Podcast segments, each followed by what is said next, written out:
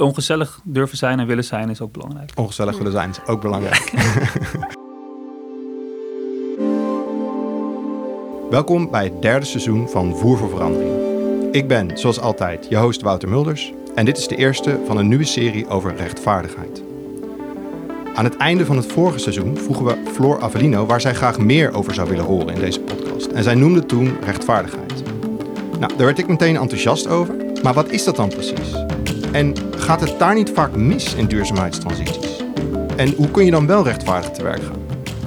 Nou, daar gaan we het dit seizoen over hebben. Gelukkig doe ik dat niet alleen. Ik heb elke aflevering weer een co-host.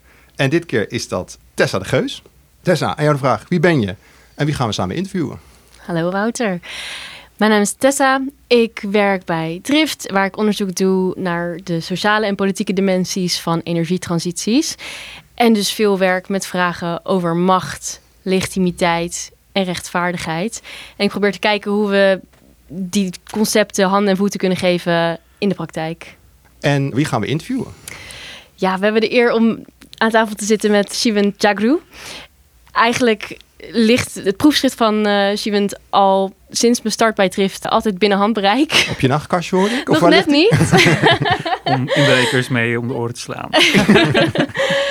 en ik, ik ben eigenlijk voort gaan bouwen op de kritische benadering die Shivent heeft bij het onderzoeken van politieke dimensies van uh, stedelijke ruimtes.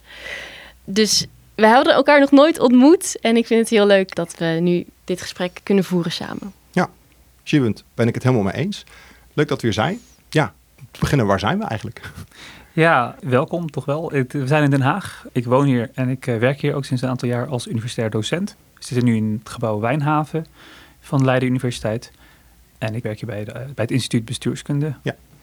Om maar te beginnen met de uh, eerste vraag. Kun je ons meenemen naar de eerste keer dat jij realiseerde dat je aan rechtvaardigheid wilde gaan werken? Oeh, dat is een goede vraag. Ik denk werken als in onderzoeksmatig. Ja, ja ik denk, nou ja, een van de dingen. Ik heb altijd, ben wel altijd wel bezig geweest met sociaal engagement. Mhm. Eh, ook nog voordat ik begon werken op de universiteit. Maar ik denk dat ik etnografisch werk heb gedaan in Rotterdam tijdens ja, een van mijn case studies. Echt stadstuintjes en gemeenschappelijke tuintjes. Uh, daar ook mhm. meegedaan en meegewerkt. Uh, en was ook gewoon voor een deel ook een stadstuinier, zeg maar, als onderdeel van die community. En ik merkte dat die tuin heel veel meer betekende dan alleen hobby, zeg maar, of alleen maar tuinieren. Het was echt een experiment. Ja, die tuin waar ik werk, ook meedeed, was echt een experiment om de maatschappij te veranderen, de economie te veranderen. En hoe doe je dat met de tuin als vehikel? Ja. Weet je, hoe bouw je nieuwe relaties op met elkaar, met de grond, met moeder aarde, met de planten, met de dieren midden in de stad. Ja. Eigenlijk. Dat was voor mij meer dan alleen maar duurzaamheid als lifestyle. Duurzaamheid als politieke praktijk, zeg maar. Dus toen ging het voor mij klikken van... hé, hey, ik, ik zie allemaal dingen om me heen gebeuren. Dat is ook onderdeel van een soort van activisme. Waarvan ik dacht van oké, daar moet ook veel meer aandacht voor zijn. En hoe kunnen we dat een centrale plek geven? En ik ging dat eigenlijk... Die lijn ging ik steeds meer volgen in mijn werk. Ja. En dan kom je uit op vragen als, als, als democratie, als rechtvaardigheid, als inclusiviteit. Wat ja, dan in een plek moet gaan krijgen in het hele idee van een duurzame transitie. Ja, dus je ging etnografisch onderzoek doen, dat eigenlijk letterlijk bevolkingsonderzoek, zou ik wel zeggen? Of niet? Uh, ja, ja, ja, ja dus, dus het in kaart brengen van een bepaalde gemeenschap. Mhm. En in dit geval was het dan die nou ja, de gemeenschap van de. Ja. En als je het goed doet, dan doe je dat ook met de mensen samen. Ja. En dus ik was ook voor een deel, ja, ging ik ook gewoon uh, oogsten. En toen gingen we samen ook tomaten plukken en het kampvuurtje en muziek maken en zo. En op die manier leer je ook, je voelt het ook, je lichaam is ook een kennisbron.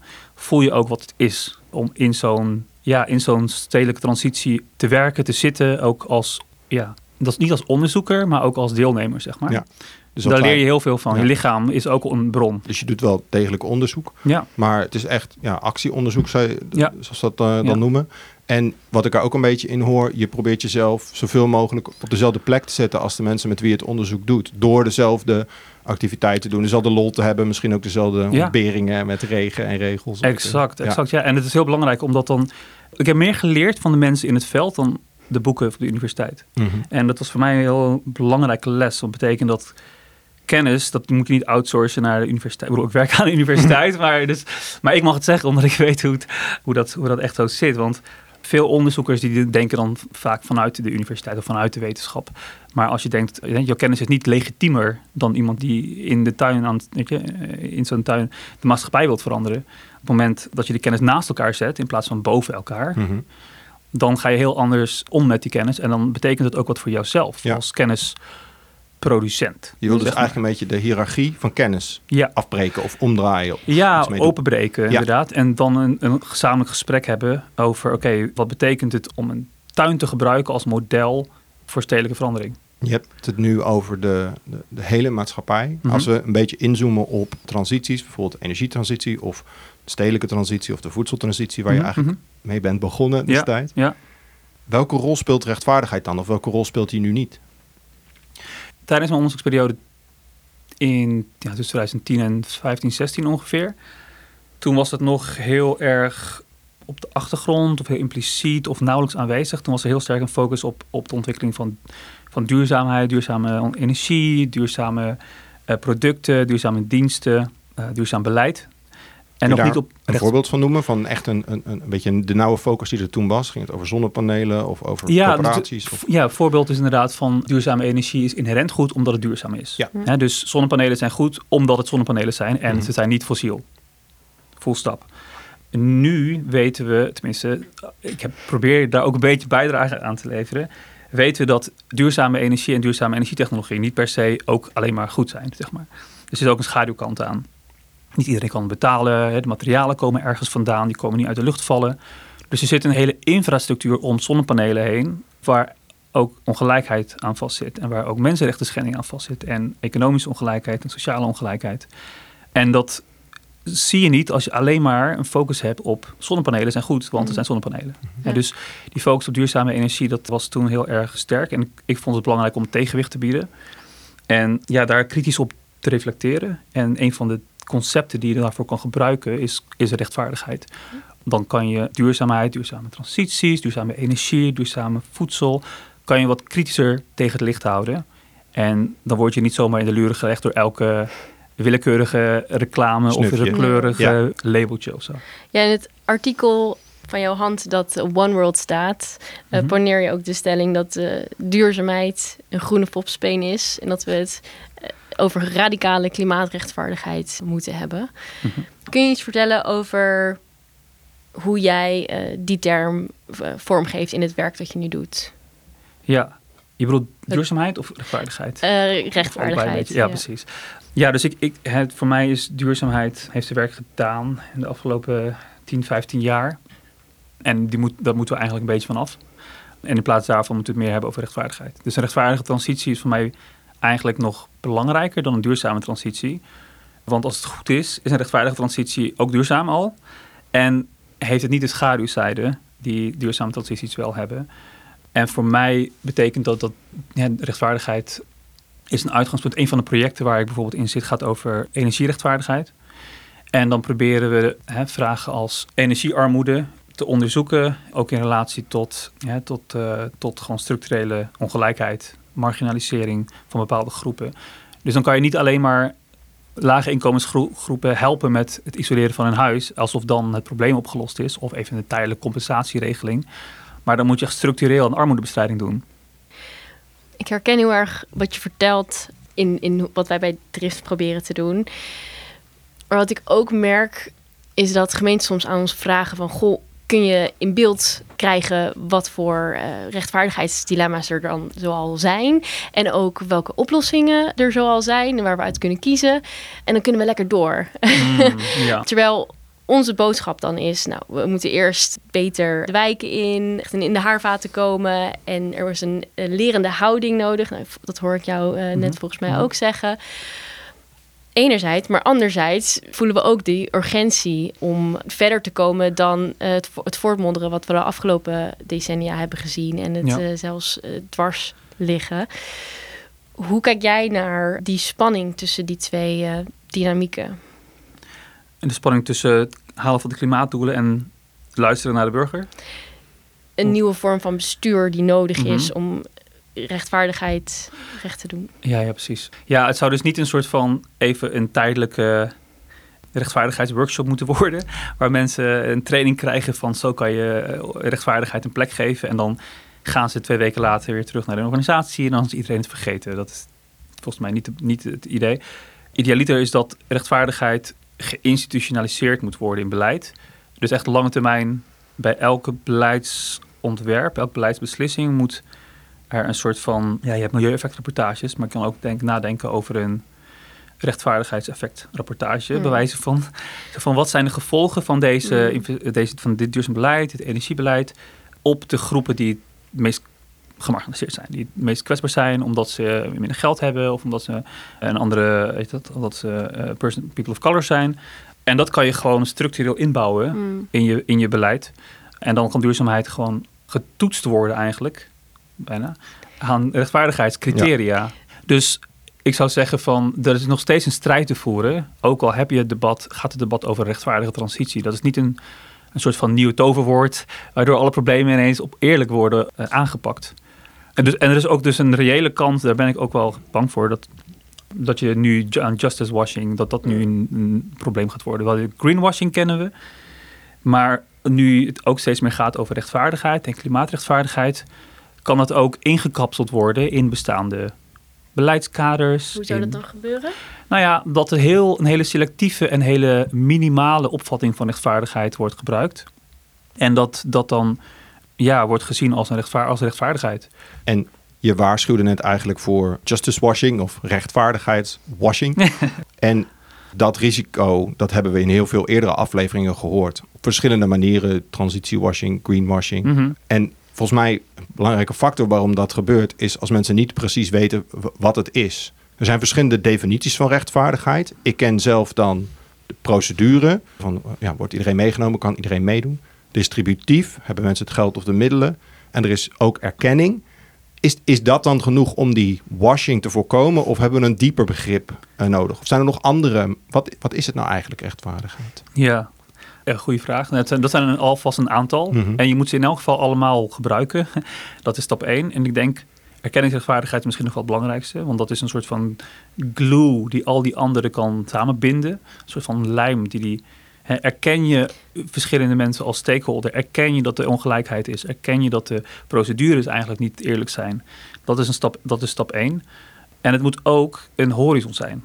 Dat is heel belangrijk, want rechtvaardigheid kan je nooit implementeren. Op het moment dat je het implementeert, dan ontstaan er weer nieuwe problemen. Dus je moet het ook, altijd, je moet het ook zien als proces waar je naartoe mm. werkt. Een soort van richting, als een soort van ethische opgave bijna.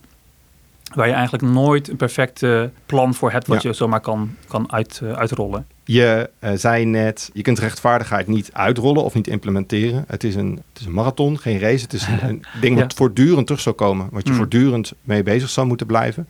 Maar wat kan je dan wel doen? Ja, ja, het is aan de ene kant is het een soort van horizon of een perspectief waar je naartoe wilt werken, wat eigenlijk nooit echt geïmplementeerd kan worden. Maar je kan op korte termijn wel degelijk rechtvaardige dingen doen, met beleid ook. Dus denk aan Groningen, hoe mensen daar hè, slachtoffers zijn van het windgewest. En een eerlijke compensatieregeling geven of uh, ervoor zorgen dat boringen niet meer doorgaan, uh, morgen stoppen. Of dat Tata wordt uitgefaseerd of worden, vergunning worden ingetrokken. Mensen niet worden in mijnen in, in Congo of in Chili uh, onderdeel zijn van de energietransitie voor de mineralen die ze uit de mijnen halen. Dat zijn allemaal dingen die je kan doen met beleid. En dat betekent dat je rechtvaardigheid ook wel degelijk een centrale plek kan geven in beleid. Dus het is niet een horizon van, van, van de toekomst. Maar dat betekent wel dat je heel serieus moet nadenken als politiek en als beleidmakers. Weet je, wat je uitgangspunten zijn. Je hebt een soort gepasteuriseerde rechtvaardigheid. Hè, wat, we makkelijk, wat we makkelijk kunnen verteren. Wat ons lichaam aan kan. Hè. Met melk natuurlijk wordt ook gepasteuriseerd. Dat kunnen we handelen. En dat is het type rechtvaardigheidsdenken die we kennen of vaak om ons heen zien. Dat is rechtvaardigheid wat moet passen binnen de huidige wetgeving. Dat moet passen binnen de huidige natiestaatsystemen, eh, huidige participatietrajecten. En Kun je daar een voorbeeld geven wat je daarmee bedoelt? Nou ja, iets is procedureel rechtvaardig als je inspraak hebt in waar, je, waar de energietransitie naartoe gaat in jouw stad of in jouw provincie. Dat is participatie, dan participatie gaat omhoog, dus dat is nou mooi. Maar dat past nog heel erg binnen de kaders van ruimtelijke planning, hoe, dat, hoe we dat nu Ja. kennen. Als we nog steeds de grondstoffen uit een land halen waar, waar het heel slecht geregeld is qua arbeidsomstandigheden, hebben we hier wel rechtvaardigheid, maar daar niet. Exact, exact ja. Want om die klimaatdoelen te halen hier, moeten de terawatten wel omhoog. Maar om dat mogelijk te maken hebben we zonnepanelen nodig, hebben we windturbines nodig. En waar komen die mineralen vandaan? Uit de Global South. Dus dan is het nog steeds niet rechtvaardig. Is het hier wel een mooi participatief proces, we krijgen we schonere lucht, maar elders niet. Dus wat mij betreft is, die, is, is rechtvaardigheid, heb je ook een soort, ja, hoe zou ik zeggen, een soort van laaghangend fruit rechtvaardigheid of een rechtvaardigheid light. Mhm. En je hebt een kritische rechtvaardigheid. Ja. Waarbij je echt fundamentele vragen stelt over waar hebben we überhaupt energie voor nodig? Wat voor type voedselsystemen hebben we überhaupt nodig? En waar komt het allemaal vandaan? Ja. Eh, en dan gaat het veel verder. En dan moet er- moeten de principes ook leidend zijn, waarbij we ook voorbij groei gaan. En dus dan moet het ook anti-groei zijn, dan moet het ook anticapitalistisch zijn, wat mij betreft. En dat is het erkenningspunt, erkenningsrechtvaardigheid. Dat is het uitgangspunt ook eh, heel, heel sterk. Dat is, eh, het is voor mij van belang dat je dan verschillende vormen van strijd aan elkaar koppelt. Ja. Dus het moet niet alleen maar gaan over schonere lucht of schonere eh, omgeving of alleen maar energie. Het moet ook gaan over armoede- armoedebestrijding. Hè, als je nadenkt over energiearmoede. Het moet ook gaan over mensenrechten schendingen in bijvoorbeeld de Congo, waar de energietransitie nog steeds ook een spoor van vernieling trekt.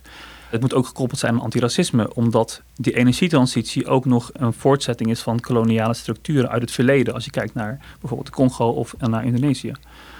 Dus het zijn een paar van die punten die eigenlijk een verdiepingsslag maken in ons rechtvaardigheidsdenken. Dus dat is voor mij kritische rechtvaardigheid. Dan ga je een stap verder Hm. dan de rechtvaardigheid light die we, waar we nu vaak een beetje over, over praten. En dat gaat dan alleen maar over een compensatieregeling van twee maanden.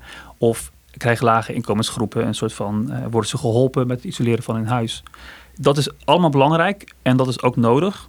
Maar dat is een hele, ja, dat is heel erg laaghangend fruit. Ja, dus niet alleen rechtvaardigheid light, de, de makkelijke of makkelijkere oplossingen die je kan bedenken, maar echt kritische rechtvaardigheid, waarbij je dus eigenlijk zegt, achterliggende systemen Juist. moeten we veranderen. En je noemt dan kapitalisme, imperialisme. Ik kijk ook even naar Tessa en in mijn hoofd denk ik meteen aan andere collega's of andere veranderaars die in bedrijven of in overheden werken. Hoe voer je dat gesprek met collega's die daar misschien nog helemaal niet zijn? of op een hele andere manier daarnaar kijken? Ja. Ja, ik zou zeggen tussen, tussen rechtvaardigheid light en kritische rechtvaardigheid, dit zijn even hè, de Mhm. termen die we dan even kunnen gebruiken als wegwerpconcepten, bestaat ook grensverkeer. Dus je, kunt in een, kan prima in een bedrijf of in een, hè, met beleidsmakers als collega's, kan je beginnen met, oké, hoe eerlijk is ons beleid eigenlijk? Het is gewoon een open vraag. En dan begin je waarschijnlijk met, nou, niet iedereen mag mee, heeft, heeft, heeft eh, inspraak. Nou, als je kijkt naar de keten, als we die even kritisch belichten, dan is het toch nog best wel wat, kunnen er wat, hè, zijn er wat problemen. En dan kan het een stap zijn om wat bredere systeemvragen te stellen. En dat is natuurlijk ook het mooie van het nadenken over systemen, systeemanalyse doen, of een systeemkritiek doen. Is dat het huidige energieregime of het voedselregime, dat is inherent onrechtvaardig. Nou, kunnen we dan concreet de vraag stellen van oké, wat is dan precies oneerlijk daaraan? En dat is of een open vraag. En daar kun je met je collega's over hebben. Zonder gelijk al helemaal antikoloniaal een strategie te voeren. Nou, misschien is dat hinkst op sprong voordat je daar bent. En je kan afspraken maken in de keten over uitfasering. Of, je kan allemaal dingen doen die daar wel eh, naartoe werken. Maar het begint al heel met, met hele kleine, simpele vragen stellen. Van hoe eerlijk is ons businessmodel? Of hoe eerlijk is ons beleid? Je komt dan denk ik ook op een punt dat je bepaalde frames gaat bevragen. ehm, zoals welke wezens tellen mee. Hoe, hoe voer je dat gesprek? Ja, daar zou er onderdeel van, van moeten zijn. En Welke wezens? Ja, Dieren, wel- planten, bomen? Precies, welke Ja. organismes? mensen, ja. Ja. Ja, dat loopt voor mij door elkaar. Want niet alle mensen worden gezien als mensen. Hmm. Hmm. Dus je hebt een onderscheid tussen mensen en dieren, maar ook tussen geprivilegeerde mensen en wegwerpmensen die a- aan arbeid doen, goedkope arbeid, die we eigenlijk liever niet, eh, ja, die, die niet passen in ons systeem. Of aan, ehm, ja, die moeten wel onze voetbalstadions bouwen of onze mineralen, weet je, mijnen, maar die hebben eigenlijk niet zoveel rechten of, of zitten op hetzelfde plek als de westerse verlichte Europese mens. Dus er zijn ook rechtvaardigheidsideeën daarover natuurlijk. Over ervoor te zorgen dat, dat heet een multispecies justice bijvoorbeeld. Dus dat uh, rechtvaardigheid altijd moet gaan tussen de verbinding van verschillende soorten. De menselijke soort, maar ook niet-menselijke soorten. En daarbij wil ik nogmaals ook wel even benoemen dat dat daar is al heel lang en heel veel over nagedacht vanuit niet-westerse uh, culturen. Dus als je denkt aan uh, indigenous communities, ook in, in Abya of wat wij nu de Verenigde Staten noemen, daar is er een hele andere wereldvisie waarbij de mens helemaal niet bestaat als categorie. En de natuur ook niet. Nou, hoe kan je daaruit vanuit een soort van ethiek van de relatie, of een relationele ethiek, waarbij de mensen, de dieren, de dingen, de bomen, de rivieren het uitgangspunt zijn. En dat is natuurlijk een heel ander startpunt dan als je denkt van oké, onze energietransitie moet ervoor zorgen dat we oneindig veel energie hebben en ook moet, ja, het moet ook nog schoon zijn. Ja. Ja, dat is een hele andere manier van denken. Want dan ga je veel kritischer nadenken over: oké, moeten we überhaupt zoveel windturbines op zee hebben? Hmm. moeten we überhaupt zoveel energie produceren? Is dat allemaal nodig? Het gaat het niet allemaal al die dataservers, zeg maar. Weet je, dus er zijn heel veel fundamentele vragen die je kan stellen als je nadenkt over die menselijke, niet-menselijke relaties. Ik vind dat trouwens ook een hele spannende hoor, een hele belangrijke ook om mee te nemen. Want anders denk je wel na over een rechtvaardige transitie, maar dan ben je alleen maar met een menselijke transitie bezig. Ja, ja dat is ook nog maar dat is ook weer light, zeg maar. Ja, maar het sluit heel goed aan bij jouw begin, of wat je aan het begin vertelde. Dat je in die tuin van alles deed en probeerde de kennis allemaal op hetzelfde level uit te wisselen. Mhm. Dat wil je eigenlijk ook met die kennisbronnen van indigenous gemeenschappen die je noemt. Mhm. En die al heel veel bezig zijn met natuur en de, de, de connecties die wij nog niet zien. Ja. Voor, voor mij klikt dat dan heel erg, want ook daar ben je weer niet iets aan het uitrollen een rechtvaardigheid light die je al kent en die al past binnen je systeem, maar moet je je gaan opstellen als we weten het nog niet. En het kan op heel veel verschillende manieren. Ja, ja absoluut. Ja, en dat, dat is ook een vorm van coalitie bouwen. Hè? Dus dat betekent niet dat je rechtvaardigheid tot de grens hebt. Wat ook vaak gebeurt. Hè? Je klimaatbeleid stopt bij België eh, en dan is Nederland, heeft Nederland rechtvaardig eerlijk klimaatbeleid en dan stopt het. Ja. Of, en dat betekent ook niet dat je recht aan de natuur moet geven alleen hier in Nederland. Ja. Want dan ben je ook nogmaals solidair en rechtvaardig, maar tot de grens. Ja.